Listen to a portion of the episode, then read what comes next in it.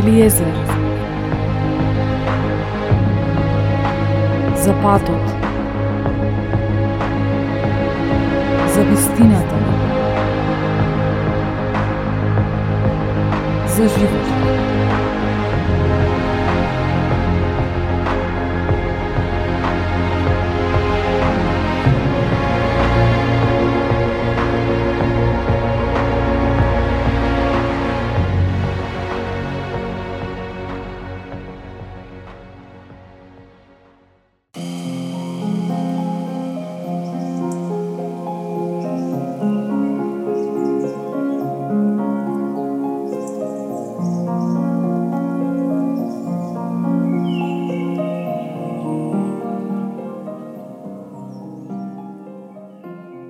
Почитувани мои, како сте?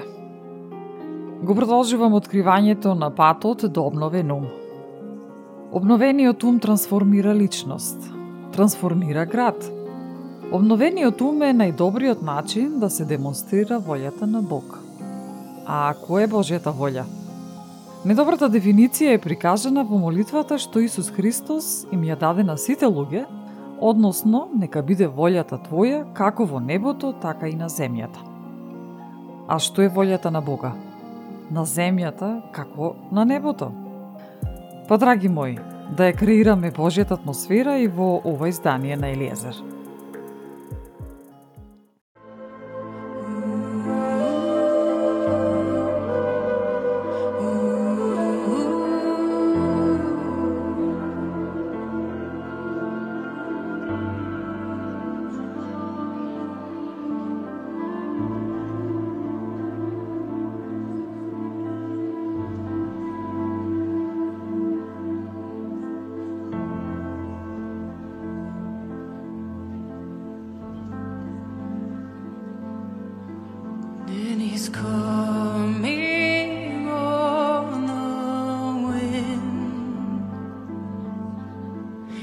She's coming once again, like he said.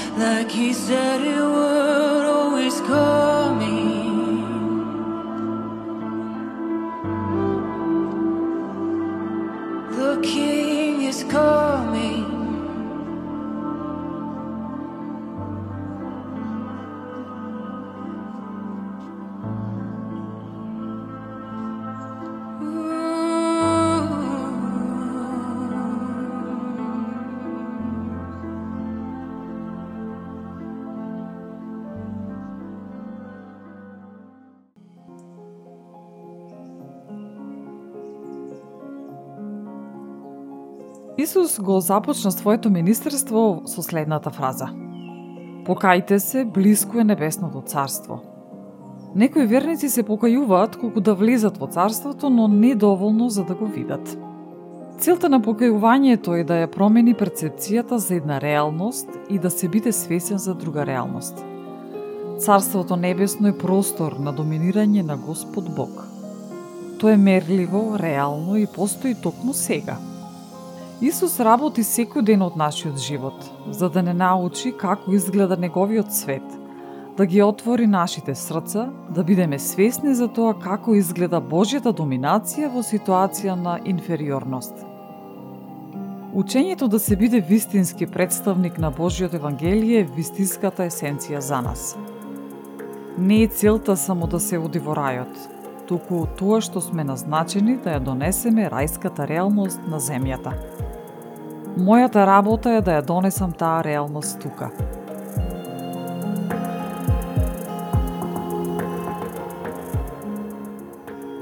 Покајанието е тоа што не усмерува кон позиција за да видиме што ќе направи Бог. Покајанието е патот за обновен ум. Верата не доаѓа преку или од умот. Верата доаѓа од срцето. Покајанието го надминува инфериорното. Покајанието е тоа што не поставува во позиција да видиме што Бог ќе направи следно. Верата не е резултат на обидување, туку е производ на предавање. Мене како верник во природата ми е да верувам. Во мојата природа во Исус Христос да видам личност од вера. Исус никогаш не не научи како да се соочуваме и справиме со неодговорена молитва, бидејќи тој немаше таква. Исус не покани на патување да истражуваме што може да биде возможно во нашиот животен век.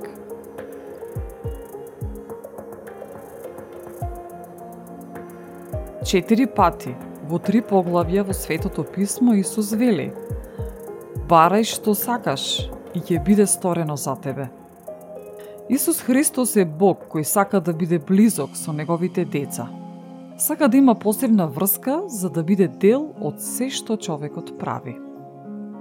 Светото писмо вели дека рајот е направен за Бога, а земјата за човекот. Тој ни даде одговорности – Понекогаш го винуваме Бог за трагедии и катастрофи што настануваат, а од друга страна се соочуваме со реалност на кого ја остави земјата.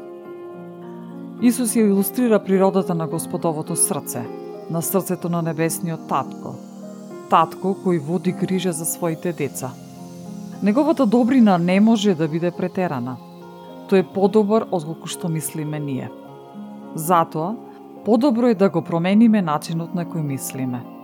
Нашето мислење мора да биде во согласно со неговото.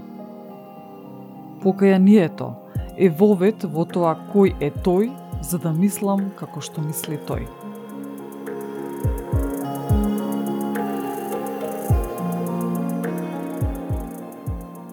Целта и патот за сите нас е обновениот ум. Обновениот ум е како коритото на една река – Реката слободно тече ако нема пречки, доколку коритото е чисто. Така е со обновениот ум. Верата слободно функционира ако умот е обновен, исчистен од секакви отпадоци. Обновениот ум прави контекст за верата да биде реализирана.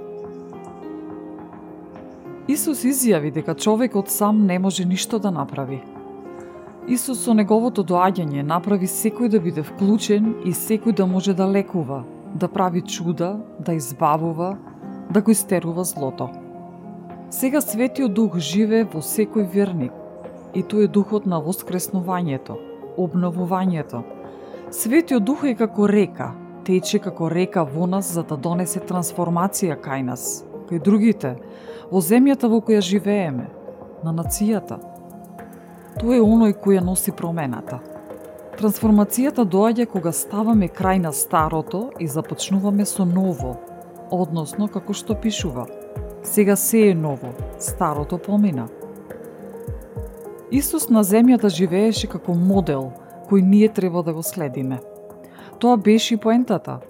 Тој како Бог избра да живее како човек, како пример кој може и треба да се следи.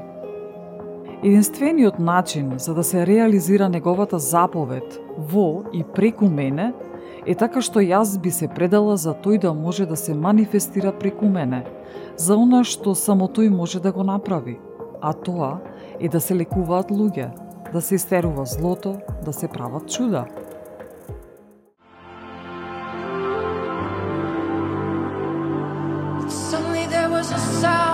Like a mighty rushing wind that came and shook up everything. It changed and rearranged everything we thought we knew. Come and blow on through, blow on through.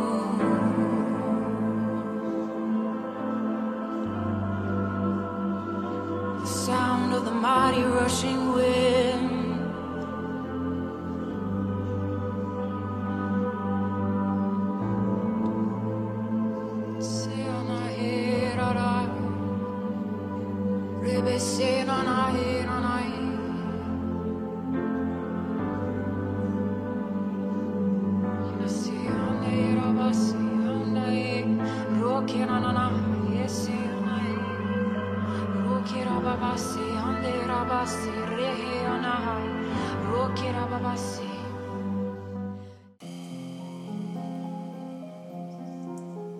Обновениот, трансформираниот ум, трансформира личност, трансформира град.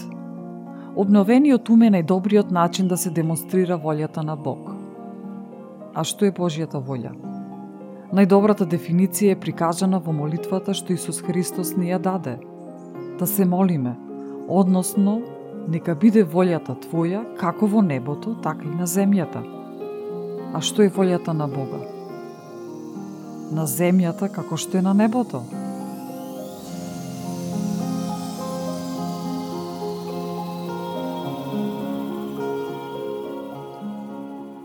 Што прави обновениот ум? Ја докажува својата волја како што е на небото за да биде и на земјата. Во Евангелие според Марко, четвртата глава, се опишува следнава случка. И вечерта на истиот ден им рече, да преминеме на другата страна – И кога го отпуштија народот, го зедоа Исуса со себе, како што беше во коработ и други кораби беа со него. И се подигна силна бура, а брановите се префрлуваа во коработ, така што коработ веќе се полнеше. А тој при кормилото спиеше на перница и го разбуди и му рекоа: Учителе, зар не ти е грижа што ние загинуваме? И стана, му се закани на ветрот и му рече на морето: Стивни, молкни, и ветерот стивна и настана голема тишина. И им рече, зошто се плашите толку? Како немате вера? Оваа случка една алармантна случка. Да размислиме. Кој е Исус? Тој е Бог. Како го нарекуваме разговорот со Бог? Молитва, Што значи, апостолите доаѓаат кај Исус и се молат за бурата да се смири да стивне, а тој одговора на нивната молитва. А потоа тој ги прашува зошто тие немаа вера. Што ни кажува ова? Ни кажува за две нешта, витални за обновениот ум. Како прво, важно е да се свати за обновениот ум е тоа дека Бог некогаш ќе направи нешто преку тебе, отколку за тебе. Исус ги тренираше апостолите за да го презентираат и представуваат на планетата Земја, а не само да го замолуваат тој да работи во нивно име. Како што созреваме, ние живееме од срцето на Бога кон животните случувања и предизвици. Апостолите беа обучувани да им зборуваат на потешкотиите и случувањата во животот за да бидат отстранети – Но наместо тоа гледаме како тие го замолуваат и бараат од него да ја заврши работата што тие има авторитет да ја завршат. Тоест, во овој случај, да ја смират бурата.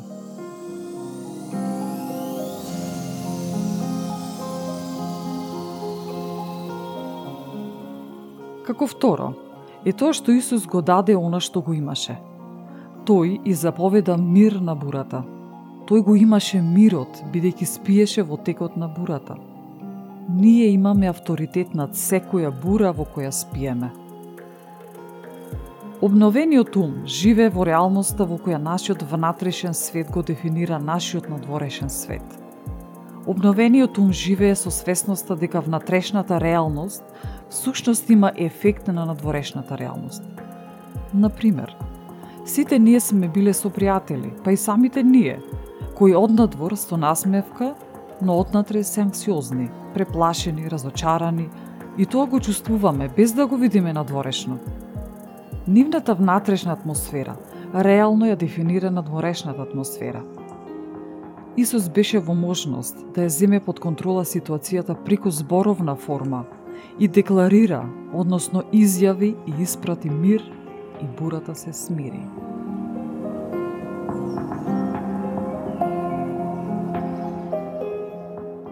Јован 1.14 гласи И Словото стана тело и се всели во нас и ја видовме неговата слава, славата што ја има како единороден од таткото, полн со благодат и вистина. Исто така пишува дека зборовите што ги кажува Исус станаа дух. Што значи, прво зборот стана тело, а потоа кога изговори стана дух. Зашто Божјото царство не се состои во јадење и пиење, туку во правда и мир и радост во Светиот Дух. Пишува во Римјаните 14:17. Што значи? Божјото царство е во светиот дух. Кога Исус зборува, неговиот збор станува дух. А зошто тоа е толку важно? Затоа што неговото присуство ја содржи реалноста на царот и неговото царство.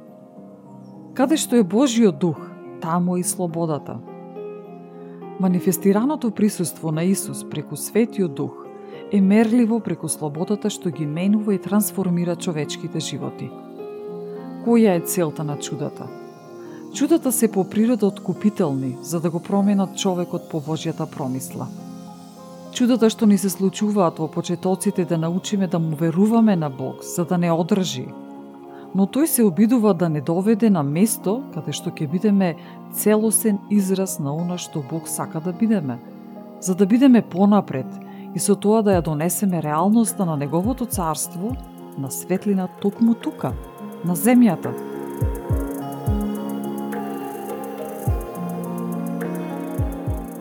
Обновениот ум ја крши реалноста на Бога што не се гледа во овој свет и ја прави реална. Пример за тоа е случката кога апостолите требаше да нахранат многу луѓе, а во нивната кошница имаше само неколку лебови и две риби. Исус им рече, нахранете ги вие. Го зеде лебот и го благослови и им го даде на апостолите да го разделат. Односно, а Исус, кога ги повика учениците своји, рече Жал ми е за луѓето, оти три дена веќе стојат при мене и немаат што да јадат. Да ги распуштам гладни не би сакал, за да не премалеат по патот. Но учениците негови му рекоа, каде ќе земеме толку леп во пустинава, за да нахраниме толку народ? Исус ги праша, колку лебови имате? а тие одговорија, седум и неколку риби. Тогаш му заповеда Исус на народот да посетне по земјата. И како ги зеде седумте лебови и рибите, благодари, ги прекрши и им ги даде на учениците своји, а учениците на народот. Јадеа сите и се наситија, и крена останати парчиња седум полни кошници. А оние што јадеа беа 4000 души, освен жените и децата.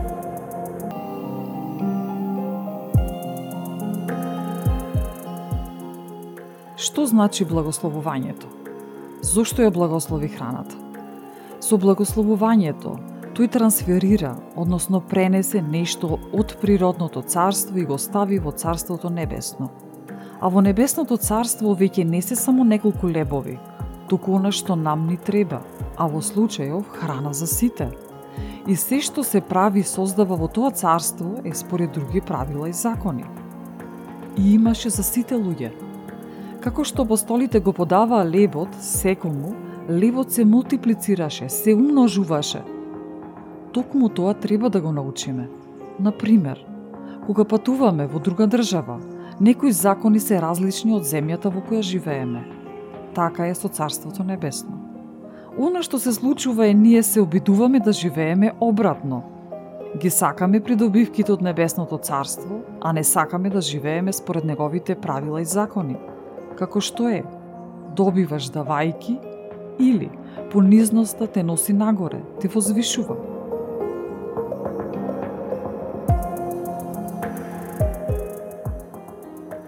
Обновениот ум соработува.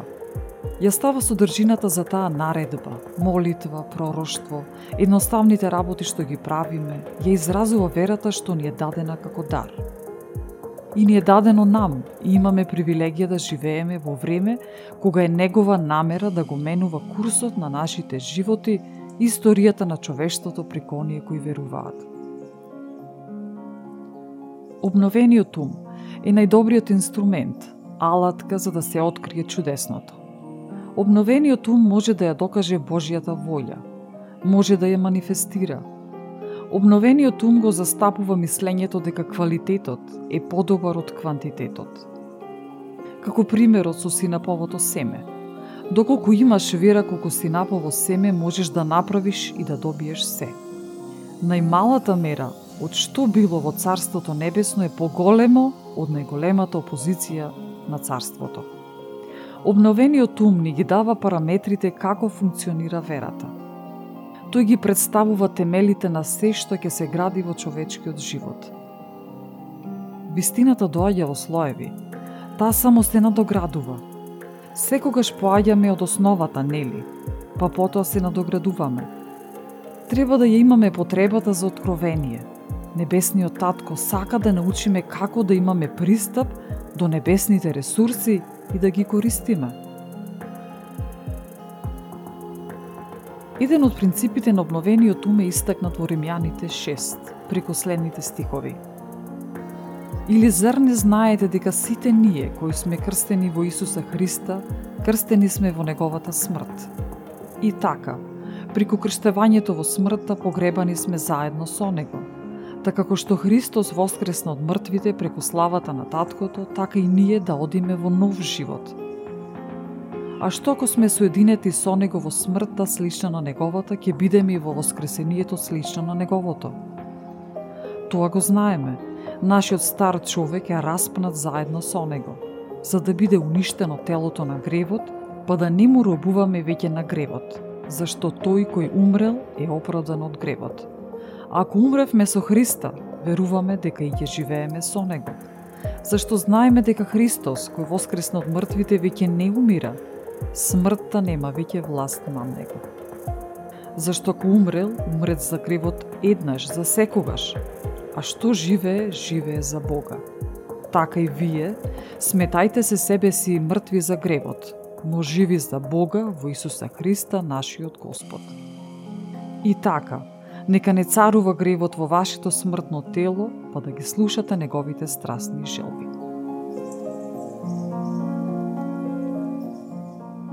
Многу од нас се научени дека се уште се борат со стариот живот.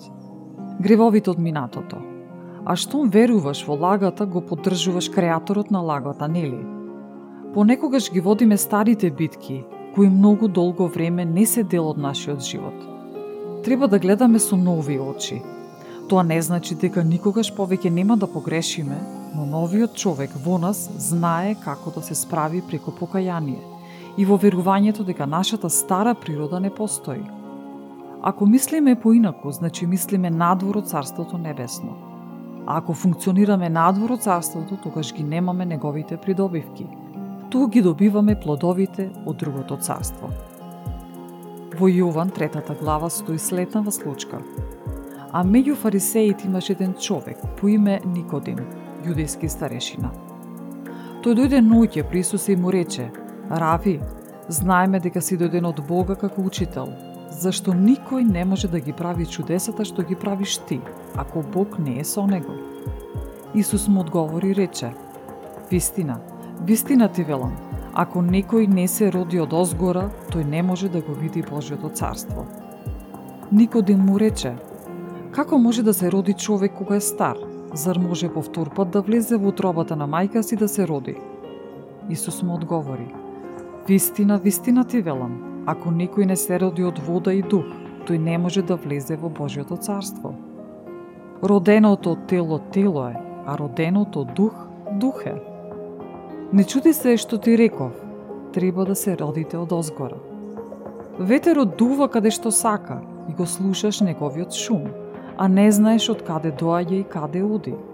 Така е со секој кој е роден од дух. Никодим да одговори рече, како може да биде тоа? Исус му одговори рече, ти си Израелев учител и не го знаеш ли тоа?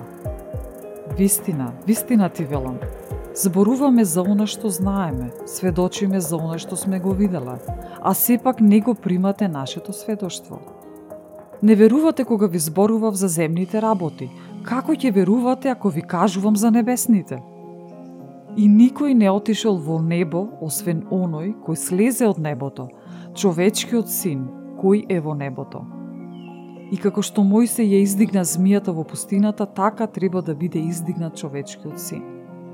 Та секој кој верува во него да не загине, но да има вечен живот. Зашто Бог толку го возлюби светот што го даде својот единороден син, та секој кој верува во него да не загине, туку да има вечен живот.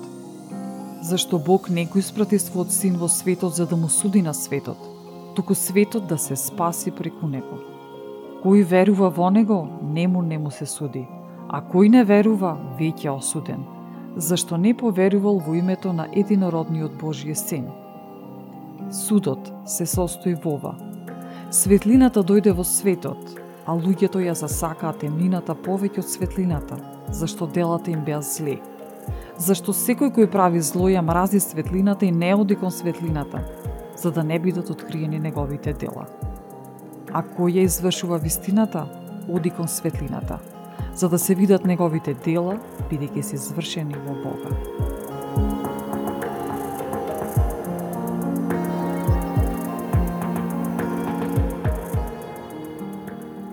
Господи, с големија милоста кон нас, за да мислиме и гледаме со обновен ум. Уморени сме од смислување и објаснување за она што го немаме. Господи, Те молам да ни го објавиш и откриеш Твојот свет, Твоето царство, како функционира и дека кај нас за секогаш ќе има промена. Промена во начинот на нашето размислување и гледање. Помогни ни никогаш повеќе да не бидеме зачудени од големината на проблемот, никогаш повеќе од големината на предизвикот пред нас.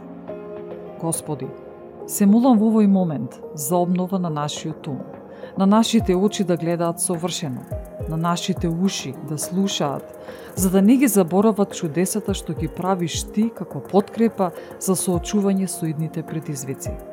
Се молам за обновување на срцата и умовите во моќното име на Господ Исус Христос. Амин. Секој добро до вас, драги мои.